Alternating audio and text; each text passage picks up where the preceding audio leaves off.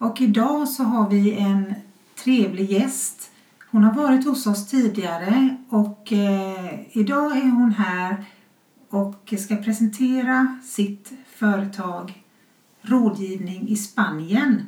Och hon heter Jannike Wretman. Välkommen!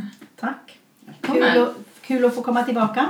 Ja. Jag driver som sagt rådgivning i Spanien som är ett, eh, vi kan väl kalla det ett konsultföretag.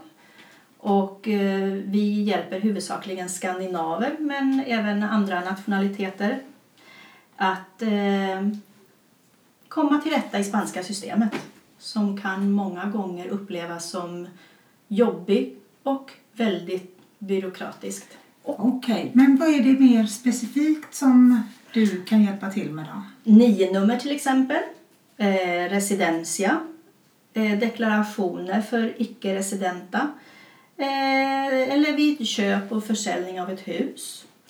Eh, till exempel då lagfarter eller ja, testamenten här i Spanien.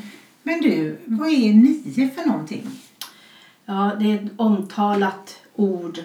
Det är ett, ett identifikationsnummer för utlänningar som man måste ha när man till exempel köper ett hus eller man köper en bil. Eh, man bör ha det eh, när man öppnar ett bankkonto eh, fast en del banker är fortfarande flexibla och låter dig öppna ett bankkonto utan.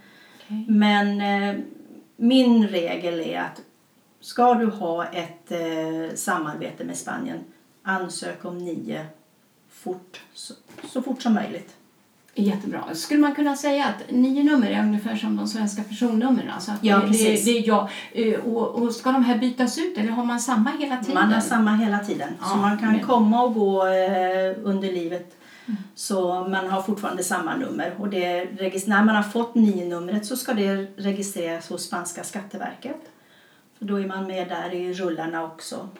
Ja, ja, men det är bra att veta. Och du sa ju förut den här eh, byråkratin i Spanien, den har ju vi råkat ut för också. Ja, det har vi. Och det är ju inte bara att det eh, är mycket piller med uppgifter och dokument och man får stå kö. Den tar ju väldigt lång tid ibland. Ja, det gör den. Och eh, huvudsakligen så är det ju spanska språket som gäller på de flesta offentliga kontoren. Och eh, är man då kanske inte ja, talande, eh, talar inte spanska, då kan det ju vara skönare att ha ett ombud för det kan bli väldigt mycket spring. Och eh, här ändras ibland saker och ting från en dag till en annan. Vad som gällde igår, det gäller absolut kanske inte idag. Ja, det, det, det, det är inte så lätt då att eh, klara sig när man har språket som en nackdel då att man eh, kan säga hej, jag mår bra och sånt och sen till att prata med byråkrater för de är fyrkantiga. Och sen det här som du säger med regelverk som ändras stup i kvarten det är jobbigt, det måste vara jobbigt för alla. Ja, och vi som jobbar med det upplever ju kanske ännu jobbigare för ibland när vi förklarar för våra kunder att nu har de ändrat reglerna då får vi en ansiktsreaktion som driver du med oss? Och det, det gör vi ju inte utan det är ju ja, det är ibland jobbigt för alla parter. Ja, och det är ju, det är ju så det är här Mm. i livet i Spanien. Att plötsligt så ändras regelverket och det gäller ju att hänga med Mm. som sagt var. Ja, i Sverige har vi ju rationaliserat bort så mycket papper som möjligt medan vi gör det i Sverige så spär Spanien på istället.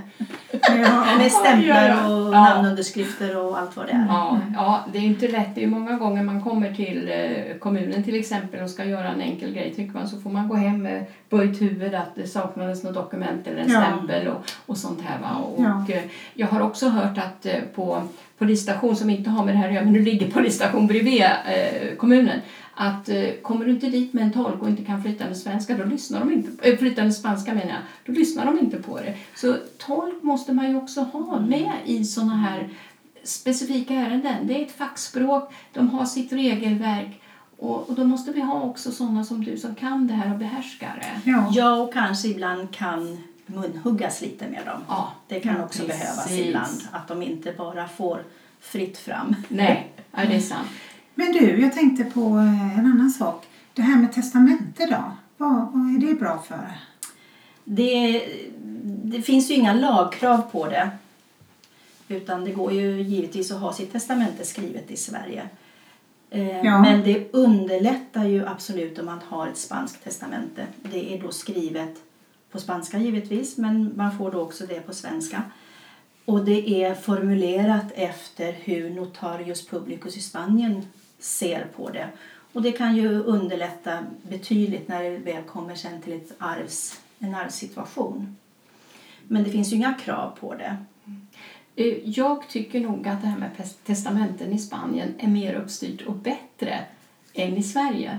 För i Sverige, om någon nära och kära dör, då ska man gå och titta i något bankfack om det finns något Byrålåda, testamente ja. eller någonting sånt här.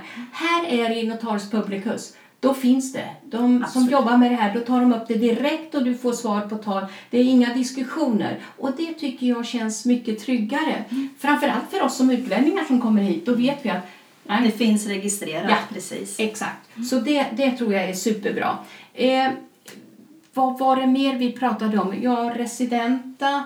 Vi, det är väl bara ett intyg på att man, Att man är skriven, att man har fast ja, bosatt, man är fast bosatt i Spanien. ja, för vi kan inte bo i två länder. Nej, man kan om- inte vara skriven Nej. på två platser. Nej, man är skriven på en men man kan naturligtvis, jag tror det finns någon gräns på 180 Ja, det är ju olika regler då. Ja, Precis. 180 dagar eller någonting. Nej men det där är jättebra. Och då vet vi det att eh, Jannike här, du jobbar med de här men du håller på också med köp och sälj. Ja, om det är någon kund som känner att de behöver hjälp med eh, dokumenten när det gäller försäljning och köp. Mm. Och då jobbar väl du som ombud med inte bara en mäklare kan jag tänka mig eller du jobbar... Den som vill anlita mina tjänster är välkommen. Det kan vara en mäklare, det kan vara en privatperson. Det är vilket som. Alla är välkomna. Ja, ja, men det är väl jättebra att man känner till det. För att kommer man som utlänning till Spanien, som vi sa, språket och så, man vill gärna ha en som man kan kommunicera med på svenska, som kan hjälpa en igenom den här processen. Eller hur? Ja. Okej, då får vi väl säga hjärtligt tack för dig som kom hit, tog dig tiden. Tack igen. Och eh, som vanligt får vi säga, har ni några ytterligare frågor så hör gärna av er eh, på vår Facebook-sida som heter Varför Spaniens podcast med eh, Lisa Eriksson och Kristina Berardi. Tack och hej! Tack och hej!